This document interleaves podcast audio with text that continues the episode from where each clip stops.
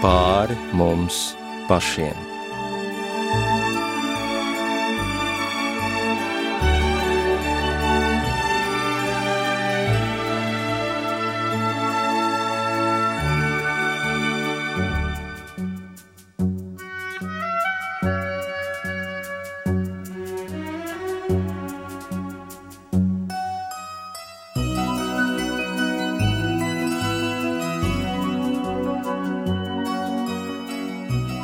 Esiet sveicināti raidījumā pāri mums pašiem, lai ir slavēts Jēzus Kristus.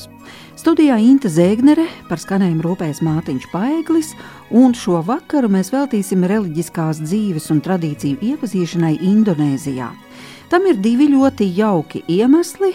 Viens, nu pat Mākslas muzejā Rīgas birža atklātā daudzkrāsainā izstāde, kas muzeja trešajā stāvā, aicina iepazīt Dienvidu Austrumāzijas mākslas kolekciju un gūt ieskatu šī reģiona bagātajā krāsu, rakstu, materiālu, tehniku, simbolu un tradīciju pilnajā kultūras mantojumā.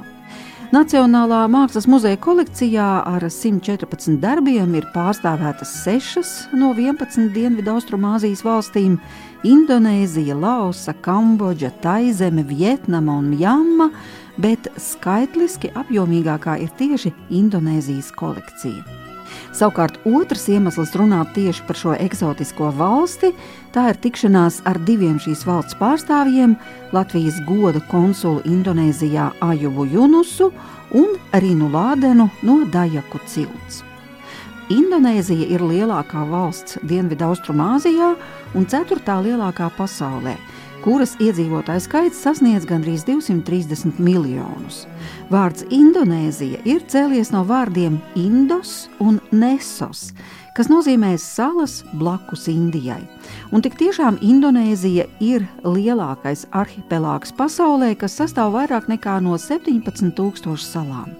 Mūsdienu indonēziešu priekšteči ieceļojušajās salās no Āzijas kontinentālās daļas pirms tūkstošiem gadu, un ārzemju tirgotāji sāk apciemot šīs salas sākot ar aptuveni 200. gadu pirms Kristus. Un tieši ceļotāji no Indijas arī spēcīgi ietekmēja šīs zemes iedzīvotājus ar hinduisma un budisma kultūrām.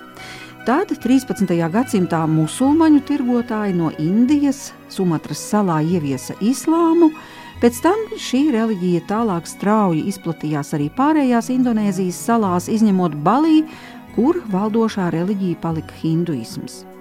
Bet minēt konkrētu gada skaitli, kad Indonēzijā ir ieceļojuši kristiešu misionāri, ir diezgan apgrūtinoši, jo avoti ir dažādi.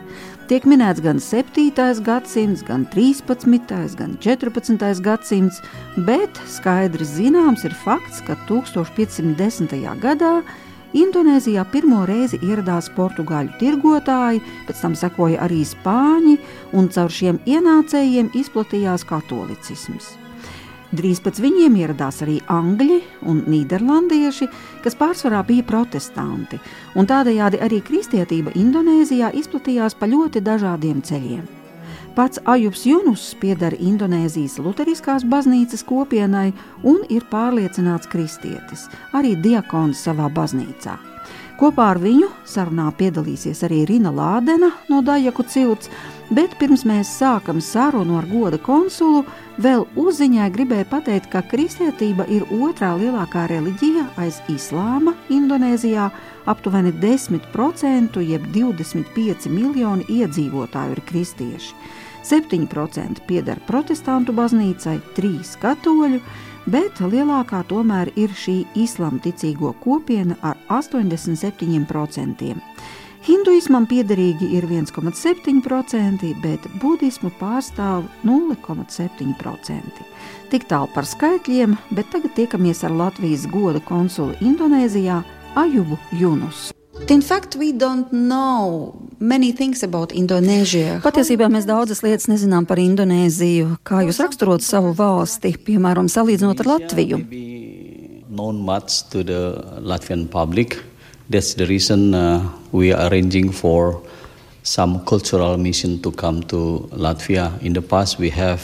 Indonēzija nav īpaši labi pazīstama Latvijas sabiedrībai, tāpēc mēs esam vairākas reizes viesojušies šeit, prezentējot savu kultūru. No austrumu Kalimantānas un otrs vārds Kalimantānai, kas varbūt vairāk ir pazīstams, tā ir austrumu Borneo.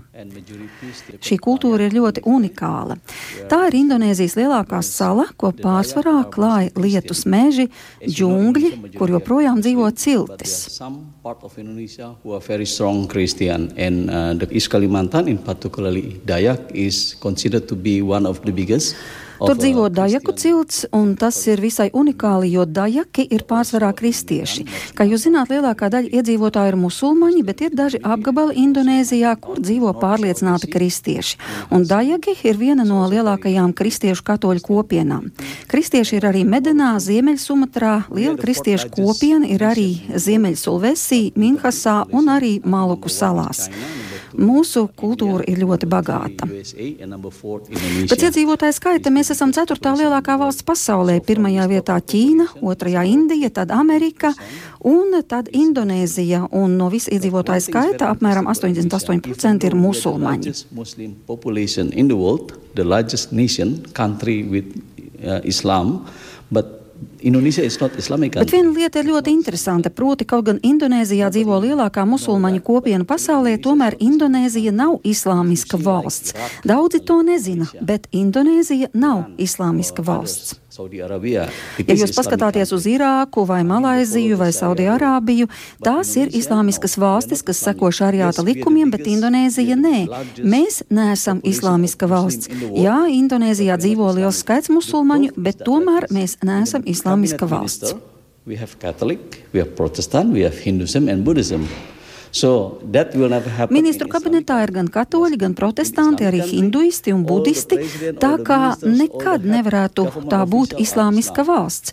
Tur prezidentam un ministram un arī citiem valdības pārstāvjiem ir jābūt musulmaņiem. Indonēzijā tā nav. Mums ministrs var būt arī kristietis un varbūt arī budists. Tā ir moderna valsts, kurā dzīvo ap 250 miljoniem cilvēku, un mums ir 17 tūkstoši salu un 700 valodu un dialektu.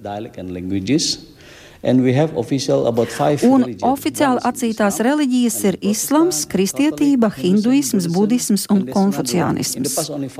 Now we have six one, Confucian. So the unique of Indonesia. Interesanti, ka reliģiskā piederība tai ir jābūt ierakstītai personas apliecībā, pasē vai identitātes kartē. Ko lai dara ateisti?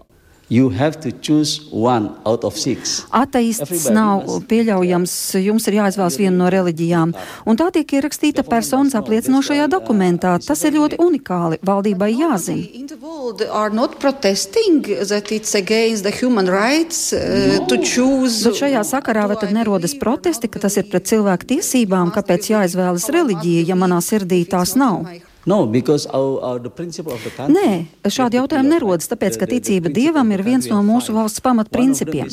Tādi ir pieci, un pirmais no tiem mēs ticam vienam dievam, tas ir viens no pamatprincipiem, un tālāk seko valsts vienotība, demokrātija, sociālais taisnīgums. The unity and then the democracy, something like that, you know.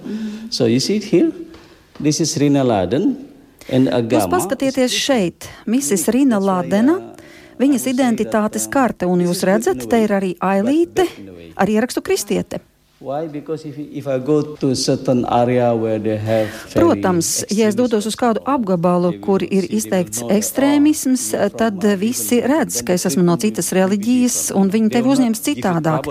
Viņi tev neradīs nepatikšanas, bet tik un tā attieksme būs atšķirīga.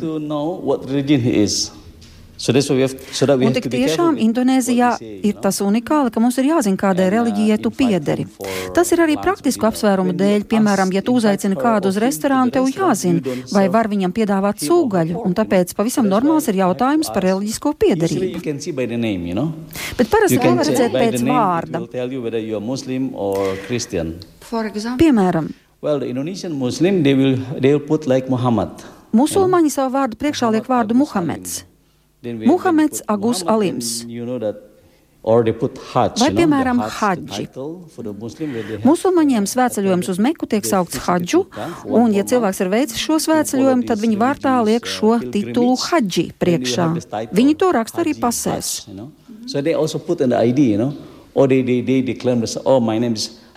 Oh. Un, ja, uh, piemēram, viņš saka, Yunus." mans vārds ir Hadži Ajubs Junus, tad visi zinātu, ka es esmu musulmanis. Bet sievietēm, Sievietēm male, they call it Hajjah. Haji, but female Hajjah. My name, like Ayub Yunus. un, ja dzird kāds manu vārdu because Junus, Ayub cilvēki var padomāt, ka es esmu musulmanis, tāpēc ka Ajubs ir tipisks arābu vārds. Bet Muhameds nav jūsu vārda priekšā. Jā, bet tik un tā tas neko nenozīmē. Ja man kāds piezvana, viņš var uzreiz sasveicināties Assalamu alaikum, jo domās, ka es esmu musulmanis. When they give greetings, then they will say Assalamu alaikum. But for the Christian, when we meet with uh, Bet Shalom. kristieši sveicinoties saka šalom. Bet ko jūs atbildat, ka, ja kāds jūs sveicina alaikum salam? Yeah, we learn how to reply back. Then Mēs esam iemācījušies, kā atbildēt, izrādot cieņu šiem cilvēkiem. Mēs sakām, jā, alaikum salam. Sometimes I forgot, I just say, Dažreiz es aizmirstu, un tad sveicienā atbildu, a jā, klausos, halo vai ko tam līdzīgu, un tad cilvēks uzreiz zina, ka es esmu kristietis. Uh, they will say Assalamualaikum, salam sejahtera. Salam sejahtera Oficiāli ir divi sveicieni - kristiešu un musulmaņu. Musulmaņi saka assalamu alaikum, bet kristieši salam džētrā, kas nozīmē miers, lai ir ar tevi. Uh. Un arī, ja prezidents uzrunā, tad viņš lieto šos divus teicienus savās oficiālajās uzrunās. And uh, you, are, you have a freedom of uh. Un es vēlreiz atkārtoju, jūs esat izvēles brīvības priekšā kādu reliģiju rakstīt savā kartē. intermarriage, Bet viena lieta gan nav atļauta jauktās laulības starp dažādām reliģijām. Tad ir jāizvēlas viena reliģija, lai būtu tā kopīga ģimenē. Piemēram, ja mana meitene ir musulmaniete, bet es esmu which mums ir jāizvēlas, kurai reliģijai mēs sekosim. Indonēzijā laulībai jābūt apstiprinātai gan civil civilajā reģistrā, gan arī baznīcā. Ir jābūt diviem certifikātiem no valsts un arī no baznīcas vai no mošejas. Your church or from the mosque. In life, how it's really Bet kā tas ir dzīvē? there are really Vai tiešām ir gadījumi, ka musulmaņu meitene vēlas precēt kristieti? Kas notiek šādā situācijā?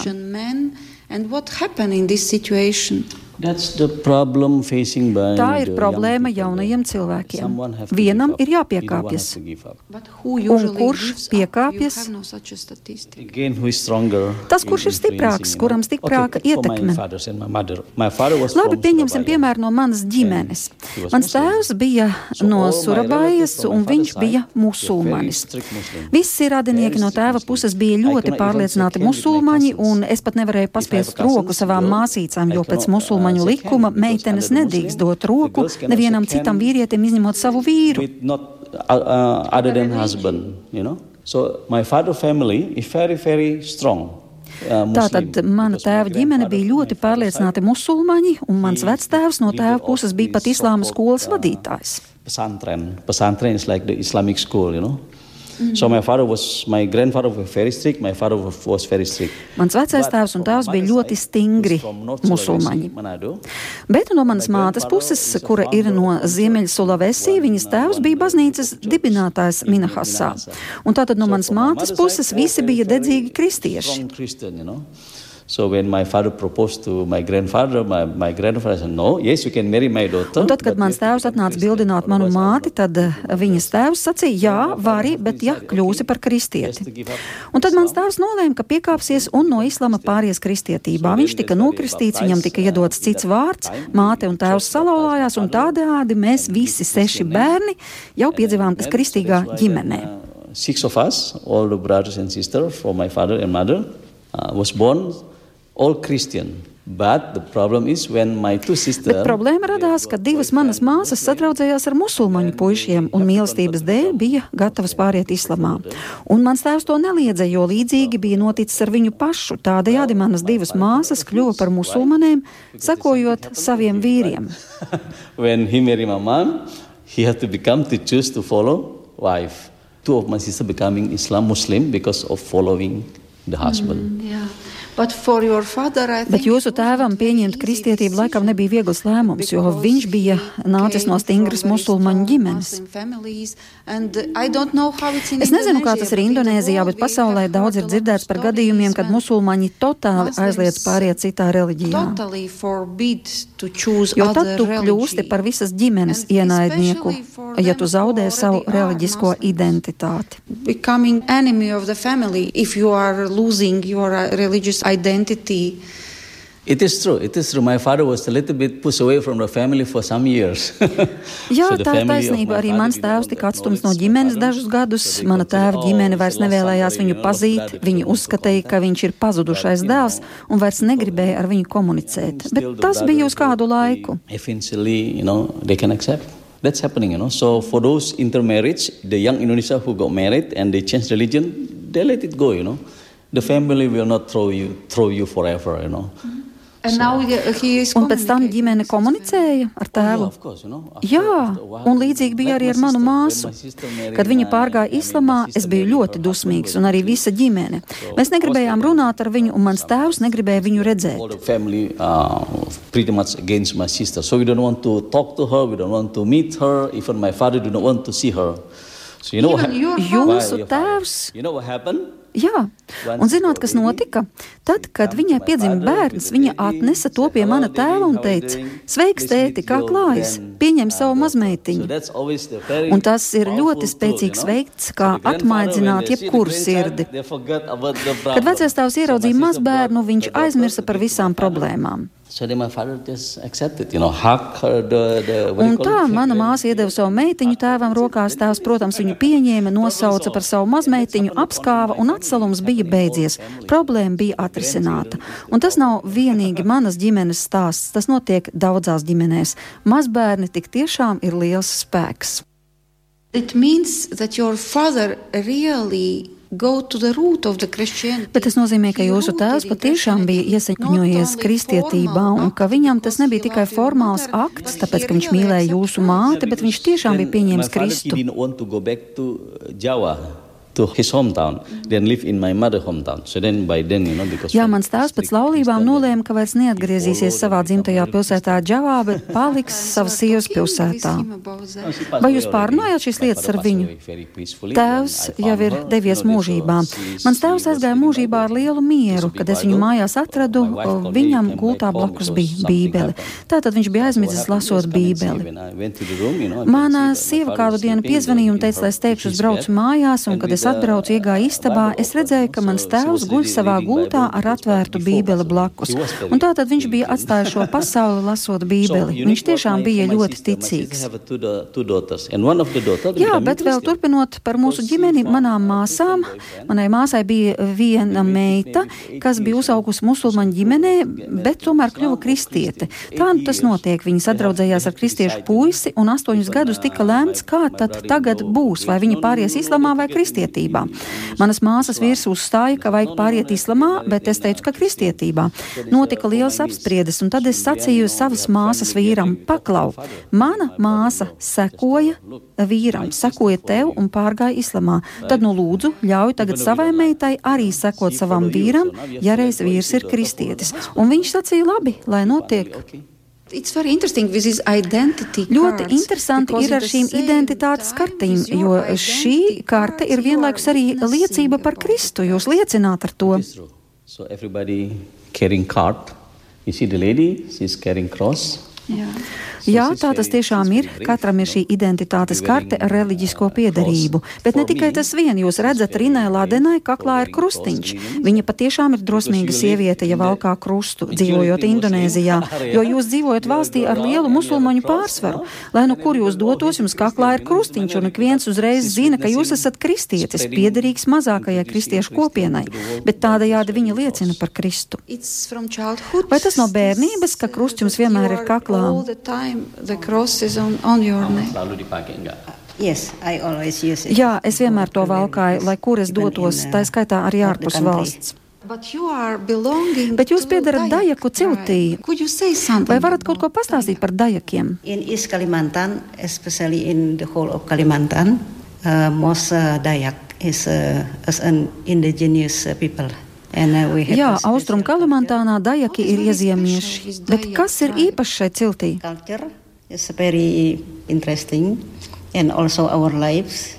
Mūsu kultūra ir ļoti uh, interesanta, bet tā kā Christians, Austrum Kalimantāna ir ļoti bagāta ar dabas resursiem, tad cilvēki no dažādām malām aizvien vairāk ierodas Austrum Kalimantānā un tādējādi vietējā cilts tiek pastumta tā kā malā. Active, And now become to my children also. They Bet mēs that esam ļoti aktīvi kā ģimene. Father was chief of the tribe, and also now the husband. Actually, now uh, we make a, an organization uh, so that people choose the leaders. But it's not more a tribe system. Bet tas nenozīmē, ka jūs dzīvojat joprojām ciltīs. Jūs taču dzīvojat ar savu vīru, ar saviem bērniem, ne jau tā kā ciltīs 20 cilvēki. Kind of people together. Oh, no, no. Apa sudah Nē, nē, mēs esam moderna cilts. Bet ja kāds no mums aprec kādu no citas cilts, tad tik un tā mēs šo ģimeni saucam par dajakiem.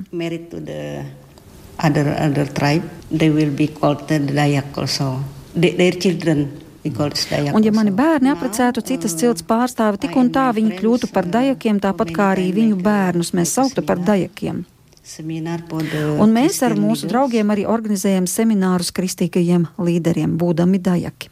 This is, what, this is what's happening. The Dayak cultures is diminishing. Slowly, slowly disappear. Her with her Es husband. paskaidrošu, kas notiek. Dajaku kultūra lēnām izzūd, un Rīna un viņas vīrs ir nodibinājuši organizāciju, lai šo kultūru saglabātu. Bet ieskatīsimies vēl vēsturē. Kristietība ļoti dažādā veidā ienāca Indonēzijā. Katoļi un protestanti bieži vien sagrāva vietējo kultūru. Piemēram, manā dzimtajā Ziemeļsulavesī, Minahasā, ieradās nīderlandieši un atnesa protestantismu un vienlaikus iznīdēja vietējo kultūru. That's a sin for doing so. Don't do that. Don't do that. Jo par ļoti daudzām lietām viņi sacīja, to nedariet, tas ir pret reliģiju, arī to atmetiet, un tas nav pieņemams, un līdzīgi bija arī ar dajakiem. The Bible, you know, this is like worshiping goddess, you know, so you should so- stop doing that, stop doing this.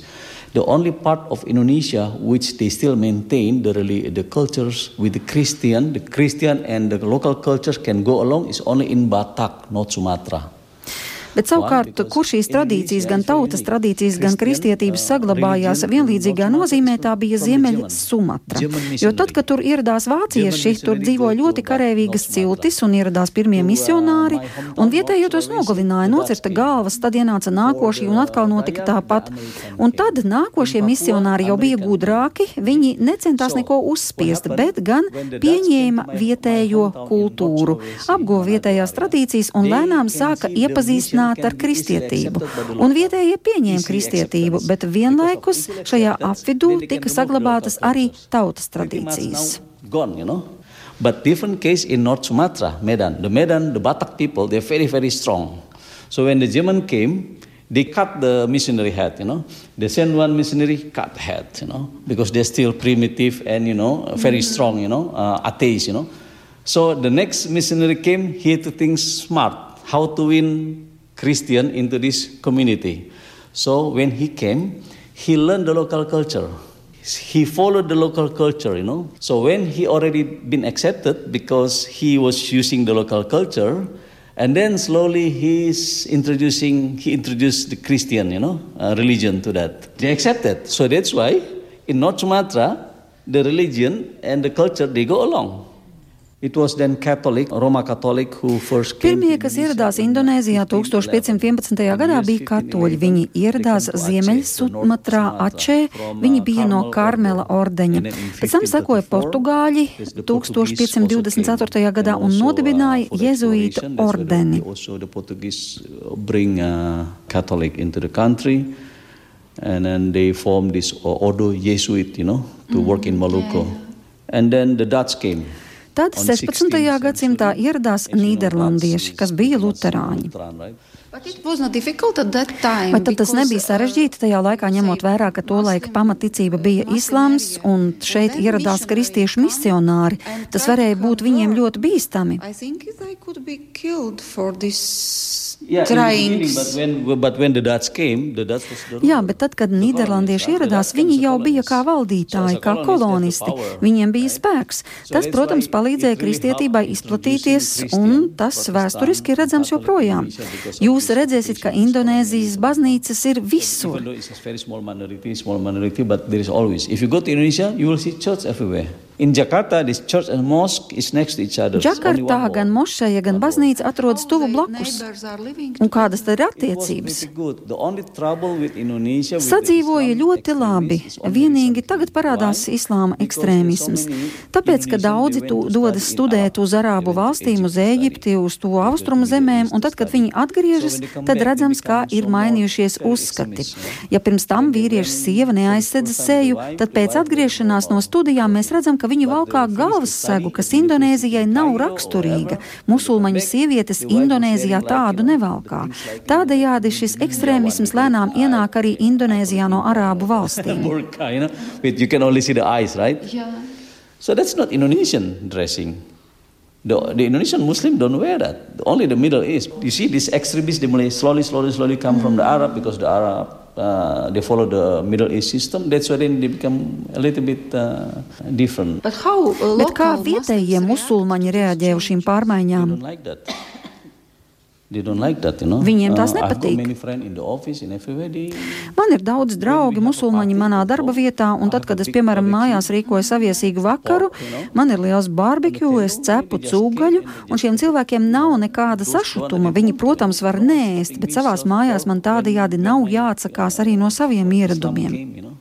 But interesting, I would like to say to you that uh, the number of Christians is really growing. Yeah.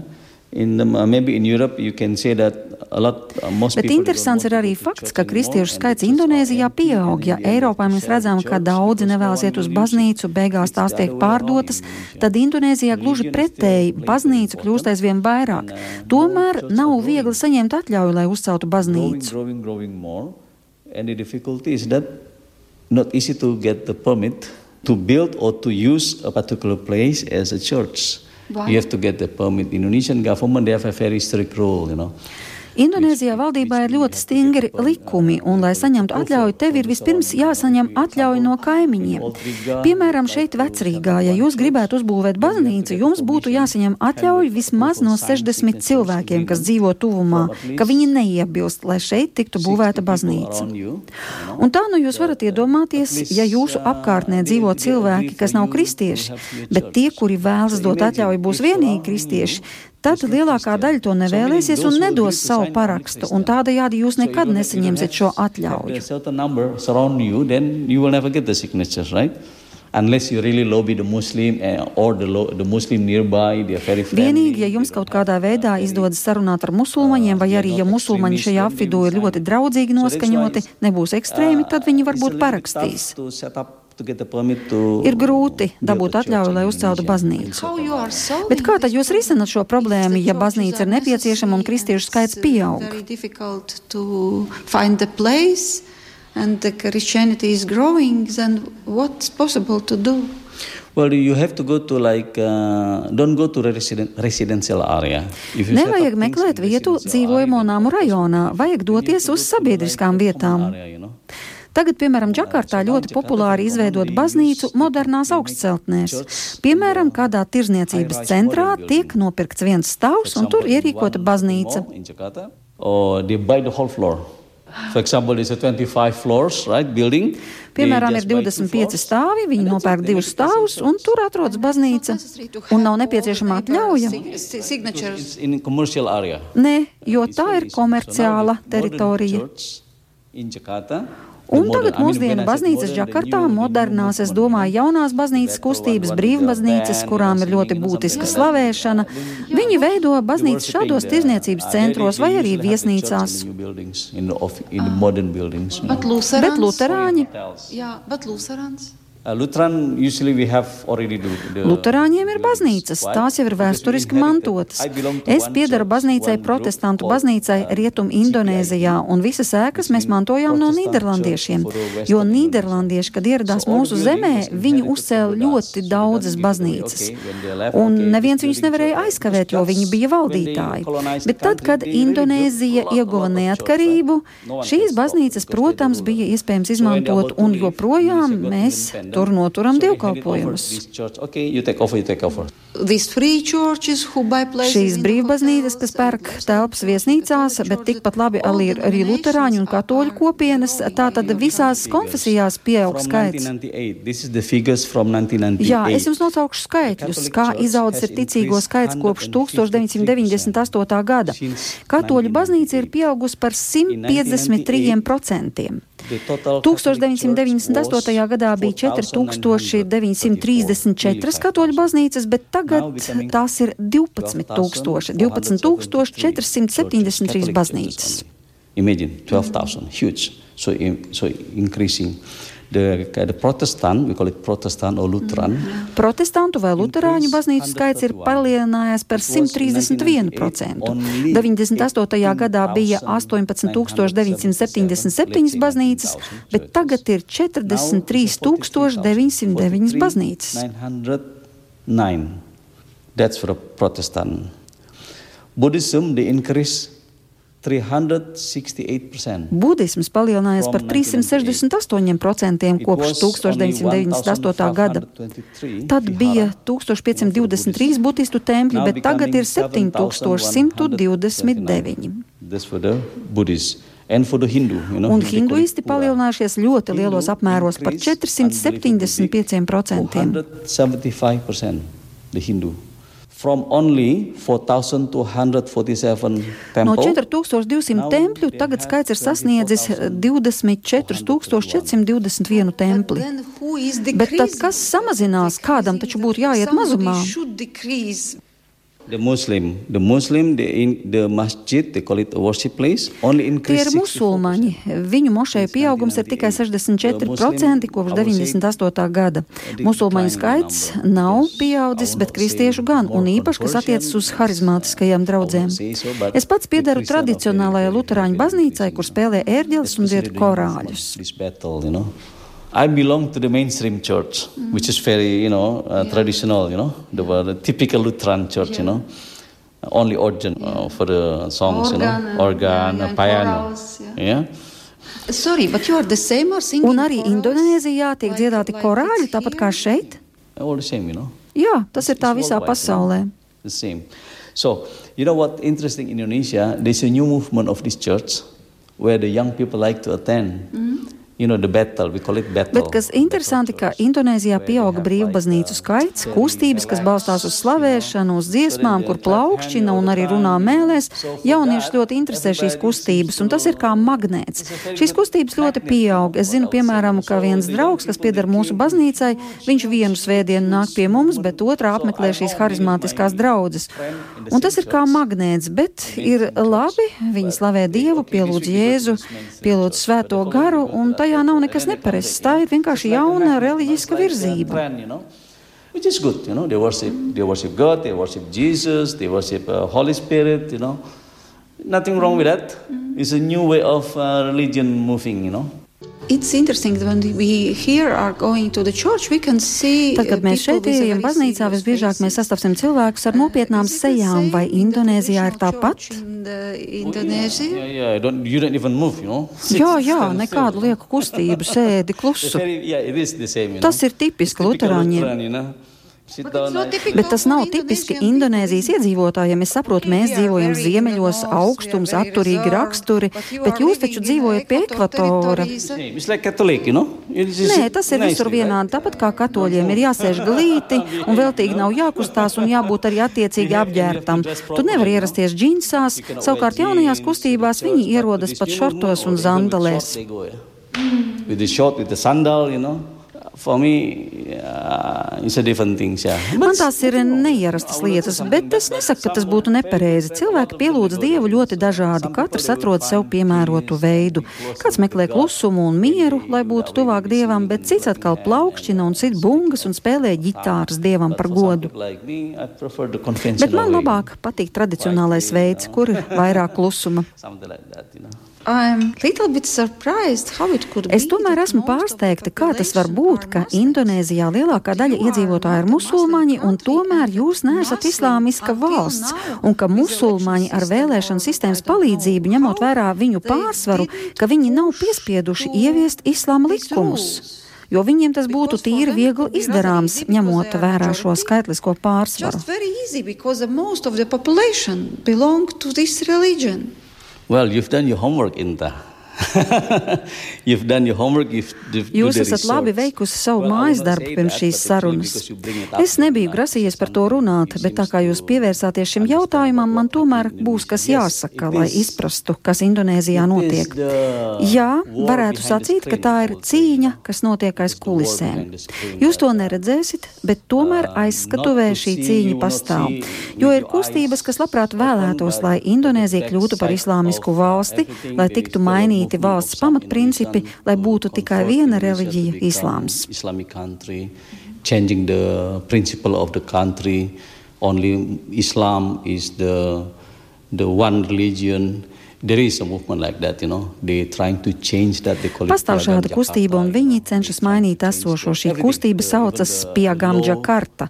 Viņi vēlas mainīt visu, arī likumus, pēc kuriem dzīvot.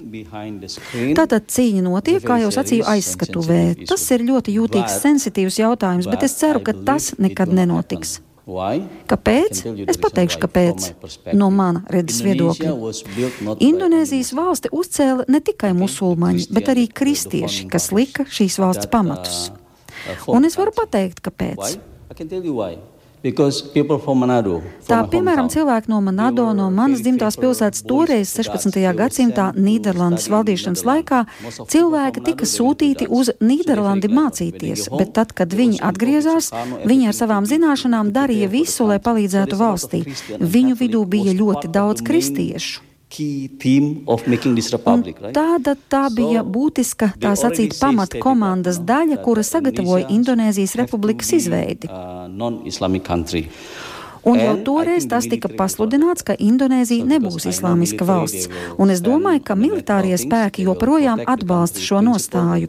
Es pazīstu daudzus militāristus, un viņi cenšas saglabāt neutralitāti, viņi aizstāv valsts pamatprincipus, un tāpēc es esmu optimists un varu sacīt, ka tas nenotiks, jo militārie spēki nekad tam nepiekristu. Jo, ja kaut kas pamatlikumā tiktu mainīts, tā vairs nebūtu Indonēzija, valsts tiktu sagrauta. Jo, piemēram, ja notiktu kas tāds, ka Indonēzija tiktu pasludināta par islāmisku valsti, tad, piemēram, cilvēki no mana apvidus no Ziemeļsulavesī pieprasītu neatkarību no Indonēzijas un izveidot savu republiku, un Kutai arī veidotu savu, un Papua tāpat, kur ir ļoti daudz kristiešu katoļu, jo tie saņēma ticību no amerikāņu misionāriem. Viņi arī veidot savu republiku, un Bataka veidotu savu. Vai militāristi to gribētu, ka viss tiek sagrauts? Vai prezidents to gribētu, ka valsts tiek decentralizēta? Nē, Protams, nē, tāpēc tā nenotiks. Valdība gan pieļāva vienu kļūdu, ka atļāva Ačē apgabalām ieviest šariāta likumus. Ačē tā ir vieta, kur 2004. gadā bija zemūdens zemestrīce un tsunami, un tsunami dēļ radās lieli postījumi, un Ačē ir stingra islāma piekritēju, un ir pat kustība, kas vēlas panākt šo neatkarību no Indonēzijas. Šī kustība saucas Gerakana Čemerdeka, un galu galā valdība pateica, labi, labi, mēs ļausim jums dzīvot pēc jūsu jūsu likumiem, pēc šariāta likumiem. Un ja jūs dodaties uz Ačē, jūsu galvā ir jābūt apsaktai, un jūs nedrīkstat uz turien braukt vīrietis un sieviete uz viena motocikla. Un ja viņi atrod kādus, kas pārkāp šos likumus, tad viņi tos neliek cietumā, bet gan publiski soda, sitot ar pletnēm. Ačē tiešām tiek praktizēti islama likumi, šariāta likumi, un tie, protams, ir atšķirīgi nekā visā pārējā Indonēzijā. So which is different with other Indonesia.